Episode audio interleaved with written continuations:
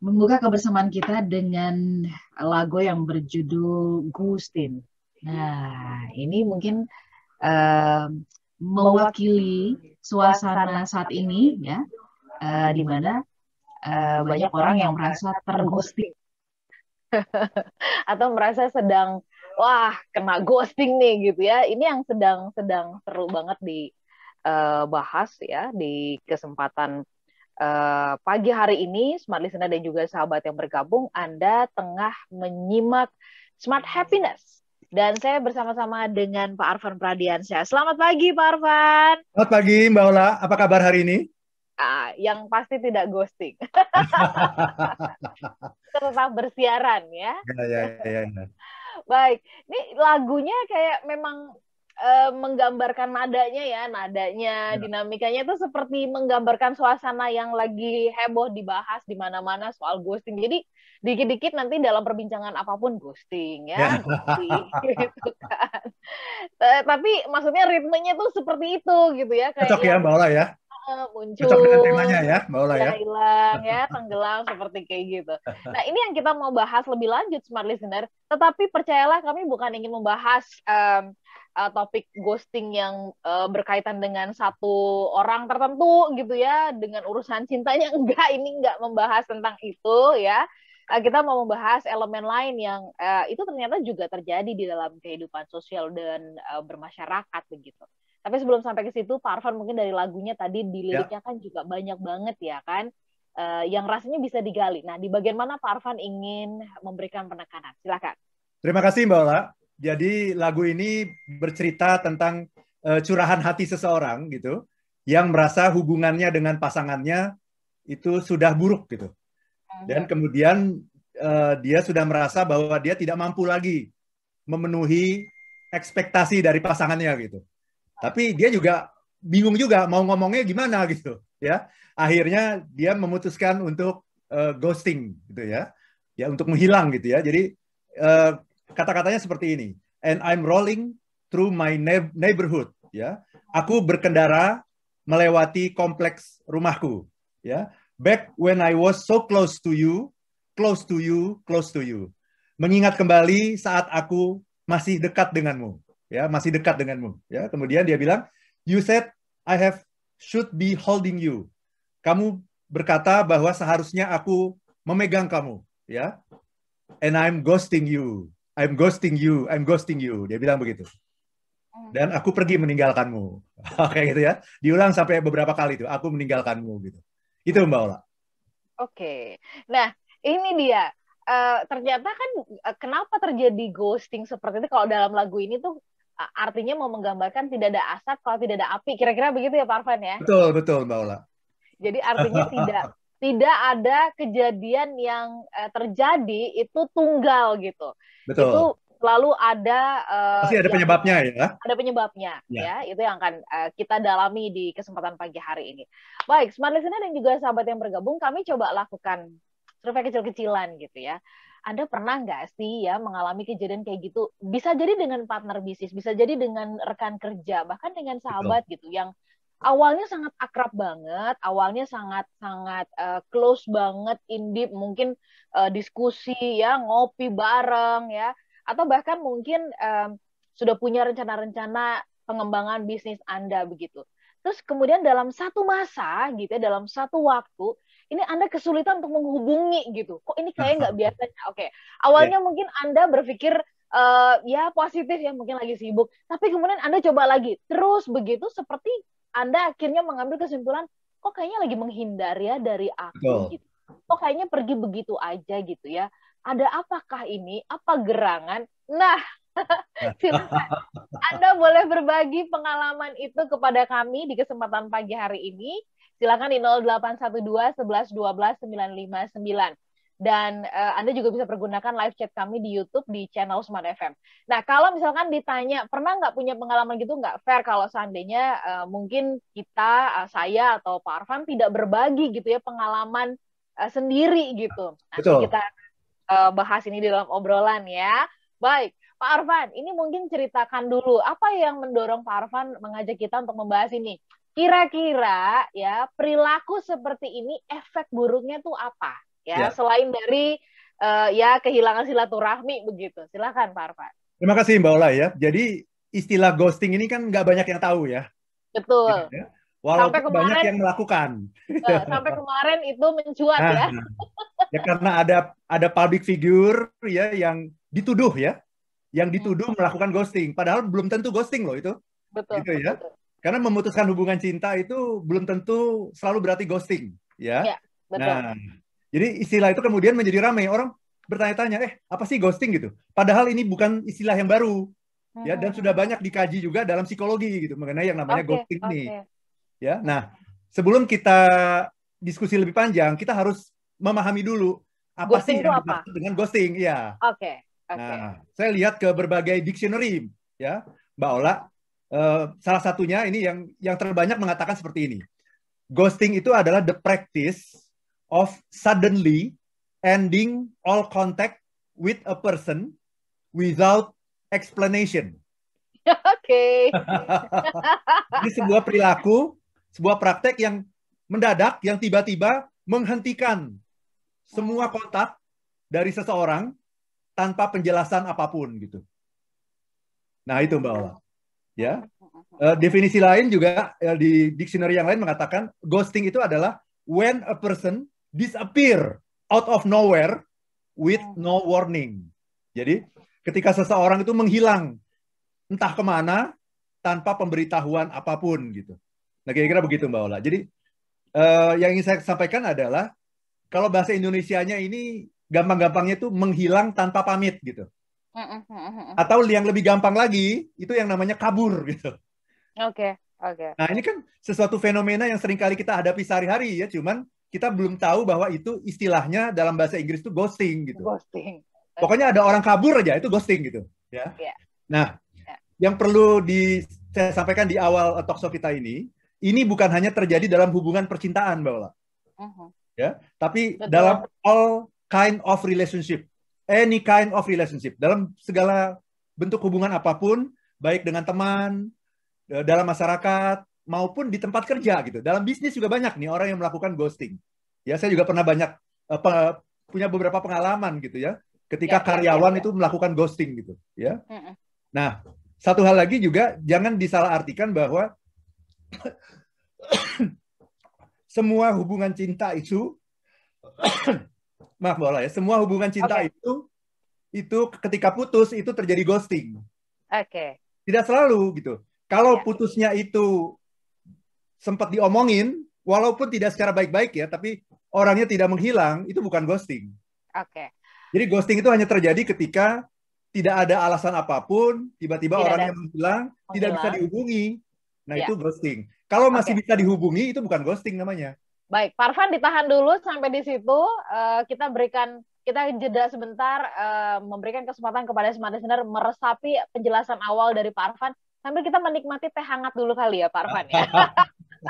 Iya iya iya. Pak Arfan menikmati teh, saya menikmati kopi. Ya, Smart Listener, Anda boleh juga menikmati minuman kesukaan Anda sambil menikmati program Smart Happiness kami jeda sesaat sangat menarik kalau kita pelajari ya bagaimana perilaku manusia dan kemudian uh, apa yang mendominasi atau apa yang mendorong sehingga melakukan perilaku seperti itu atau tindakan seperti itu. Jadi kita ngerti nih sebenarnya di balik orang melakukan sesuatu tuh apa sih begitu ya.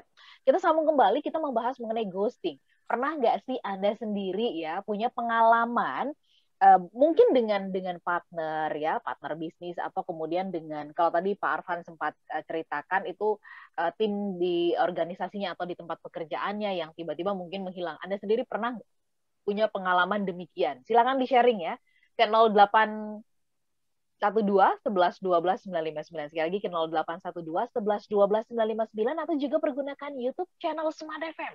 Anda bisa berbagi bersama dengan kami. Jadi kita sambil ngetes nih, ya ngecek ini bener-bener emang ghosting beneran atau perasaan kita aja yang dighostingin. Mungkin karena terlalu ekspektasi tinggi barangkali ya. Baik, Pak Arfan kita sambung. Kalau tadi Bapak mengatakan bahwa ini uh, kita sudah clear dengan definisinya gitu ya, menghilang tiba-tiba tanpa pemberitahuan ya nggak ada alasan, nggak ada hujan, nggak ada badai, tiba-tiba gitu kan hilang ya. begitu. Um, datang nggak dijemput, pulang nggak diantar lah kira-kira gitu ya. Dan ini terjadi di seluruh aspek kehidupan kita. Nah, sebenarnya kalau kita telah lebih jauh ya, Pak Arfan, perilaku ini sebenarnya muncul kenapa sih gitu ya? Kalau dilihat dari uh, ini kan ranah perilaku ya, psikologi manusia. Betul, betul. Sebenarnya kalau Bapak temukan dan pelajari gitu, ini terjadi apa yang mendorong atau yang menyebabkan orang melakukan seperti itu, Pak Arfan? Terima kasih Mbak Ola ya. Um, yang menarik uh, di Amerika itu pernah dilakukan penelitian, Mbak, ya, di satu kelompok orang gitu. Uh, ternyata seperempat orang dari yang diteliti 25 persen itu pernah menjadi korban ghosting, Mbak. Gitu ya. 25 persen pernah menjadi korban ghosting. Dan ternyata dari orang-orang yang diteliti itu, 20 persen pernah melakukan ghosting gitu. Ya, jadi ini sesuatu yang banyak sekali terjadi gitu. Ya, uh, yang paling banyak adalah ketika orang uh, punya utang, Mbak. Oke. Okay.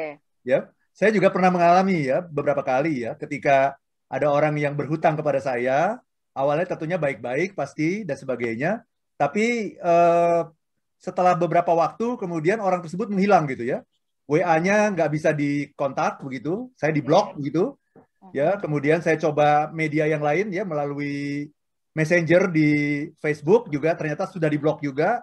Saya coba ke Instagram sudah diblok juga gitu loh. Menghilang gitu. Ya, sama sekali menghilang selama beberapa tahun gitu. Jadi uh, saya kira itu pengalaman banyak orang ya, yang paling sering ya ketika ada orang uh, berhutang kepada kita, kemudian waktunya sudah tiba gitu, kemudian orang itu seolah-olah menghilang di telan bumi gitu, Ola. Nah, apa yang menyebabkan orang ghosting? Uh, gampangnya adalah karena nggak mau bertanggung jawab gitu. Oke. Okay. Karena ya, tidak ya. mau bertanggung jawab. Nah, itu juga ada beberapa alasan juga gitu ya. Bisa jadi orang ini tidak punya skills, Mbak Ola. Oke. Okay.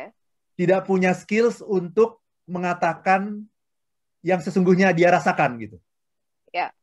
Ya. Mm -hmm. Saya pernah itu di tahun 2008 akhir. Itu pada hari Natal itu ada sebuah kejutan tuh di hari Natal tahun 2008. Mm -hmm. Ya. Itu saya panggil panggil panggil uh, eh, ART saya.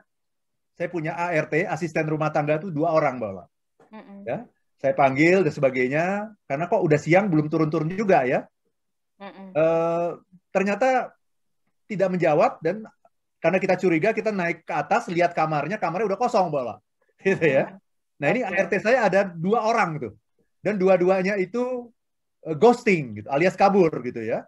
Jadi ternyata uh, subuh-subuh itu dia sudah lompat pagar gitu. Ya subuh-subuh di hari Natal 2008 lompat pagar dua orang gitu. Ya tapi memang tidak membawa barang apa pun gitu. Artinya tidak tidak mencuri tidak melakukan uh, keburukan apa pun gitu. Hanya dia kabur saja. Nah ini kemungkinan sih kalau saya lihat ini masalah skill sebetulnya gitu. Karena apa karena dia tidak punya skills untuk berkomunikasi gitu ya menyampaikan bahwa sebetulnya saya sudah tidak betah atau apa yang dia rasakan dia tidak punya kemampuan itu jadi communication skillnya yang kurang gitu Nah, itu juga menjadi salah satu alasan dari uh, ghosting. Ya. Hmm. Tapi selain communication skill, ada lagi alasan yang lain yaitu memang tidak ada niat baik gitu. Ya, tidak ada niat baik untuk menyelesaikan masalah gitu sehingga lebih suka uh, kabur gitu. Ya, saya pernah punya uh, beberapa kali juga ya di di kantor ya yang terakhir itu baru di tahun 2019 kemarin gitu, Mbak. Ya, Jadi ini ya. kalau di kantor tuh biasanya terjadi setelah gajian, Mbak Ola. Oh, Oke. Okay ya setelah gajian besok kemudian tidak masuk gitu ya tidak masuk kita pikir kan sakit ya oh nggak apa-apa lah gitu ya sehari dua hari tiga hari ya luput dari pengamatan kita gitu di hari keempat itu eh, kita mulai bertanya-tanya gitu dan saya mau kontak what's wrong, gitu. gitu ya ya yeah, what's, what's what's wrong nih apa yang ter, yang sedang terjadi saya mau kontak lewat WA kan apa kabar kamu uh, sedang sakit atau kenapa tiga hari nggak muncul di kantor? Ternyata WA saya sudah diblok gitu. Hmm, hmm, hmm. Ya, saya punya beberapa handphone, ya, tiga-tiganya sudah diblok gitu, ya. Jadi saya udah nggak bisa kontak tuh ya. Kemudian saya tanya ke teman saya yang lain dong. Ternyata WA tim saya semuanya juga juga sudah diblok gitu. Nah itu. Nah kemudian kan timbul kecurigaan kan, wah ini kenapa nih gitu ya. Nah akhirnya uh, tetap tidak ada berita apa pun, coba dikontak melalui Facebook dan IG juga semua sudah diblok. Jadi memang sudah direncanakan sedemikian rupa gitu. Nah kalau ini menurut saya bukan karena faktor skills, karena sebelum-sebelumnya dia bisa berkomunikasi dengan baik kok gitu. Dan kita juga biasa kok menyelesaikan perbedaan pendapat semua dengan sebaik-baiknya gitu. Ya. Artinya ini beda dengan kasus ART saya gitu. Kalau ART tadi itu masalahnya skills pasti. Dia tidak punya kemampuan untuk menyampaikan unek-uneknya gitu. Nah kalau ini biasa gitu, diskusi biasa, berdebat juga biasa gitu. Ya, jadi masalahnya bukan karena skill kalau begitu. Ini masalah niat baik. Tidak okay. adanya niat baik gitu Mbak Ola. Oke, okay. oke. Okay. Itu Mbak Ola. Dua ya. alasan yang uh, sering kali membuat orang uh, ghosting atau kabur gitu ya. Tetapi uh, sebenarnya sih intinya adalah no responsibility gitu. Tidak ada tanggung jawab gitu untuk bisa uh, menyelesaikan masalah dengan uh, face to face gitu. Sehingga memilih untuk avoid gitu ya, memilih untuk menghindar begitu Mbak Ola. Oke, bukankah memang kecenderungan manusia ya, Pak Arfan? Uh, ya, saya coba melihat flashback juga gitu ya dalam ya. banyak ya. uh, kasus yang kita uh, perhatikan juga di di ranah umum begitu di ranah publik. Um, artinya uh, soal niat baik ya kemudian tanggung jawab lalu kemudian tidak punya skill untuk menyampaikan unek-unek dan sebagainya. Bukankah memang kecenderungan manusia Pak Arfan selalu menghindari yang namanya pain gitu ya?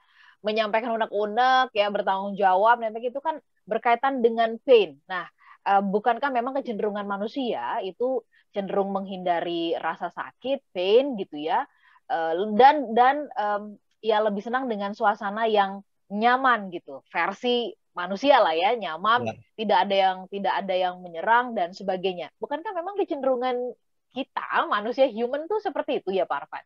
Uh, betul sekali Mbak Ola ya, manusia kan selalu menghindari kesakitan dan selalu mengejar kesenangan kan seperti itu ya. Betul. Um, tetapi kan kita orang-orang yang belajar itu kan sebetulnya kecenderungan manusia ya. Tapi kan ketika kita belajar mengenai etika gitu ya, ketika kita belajar mengenai tata krama, ketika kita belajar mengenai yang namanya profesionalisme, justru tujuan kita belajar segala macam itu kan adalah untuk menghindarkan kita dari kecenderungan-kecenderungan buruk gitu. Bahwa manusia itu kan kecenderungannya sama, semua orang kan kecenderungannya mengeluh, semua orang kan kecenderungannya ingin mendapatkan sesuatu dengan mudah kan. Kenapa terjadi korupsi sebetulnya? Karena orang ingin mendapatkan sesuatu dengan mudah kan? Mm. Daripada repot-repot kerja, daripada repot-repot berbisnis yang belum tentu berhasil, masih ada kemungkinan rugi kan? Mendingan kita uh, korupsi saja kan? Semua orang punya kecenderungan seperti itu. Jadi itu kecenderungan yang manusiawi. Tetapi kita kemudian belajar yang namanya agama, ya kan? Kita belajar agama, kita belajar budi pekerti, kita belajar tata krama, kita belajar profesionalisme, kita tahu bahwa perusahaan kita punya nilai-nilai gitu ya, punya values. Hmm. Tujuannya apa? Tujuan adalah untuk menghindari, menghindarkan manusia dari kecenderungan manusiawi yang buruk gitu. Oke. Okay. Uh, Pak Arfan, kalau kalau tadi Bapak mengatakan itu kan semua adalah hasil dari proses belajar. Nah, kalau sampai terjadi demikian, berarti kan ada apa nih dengan proses belajarnya ya?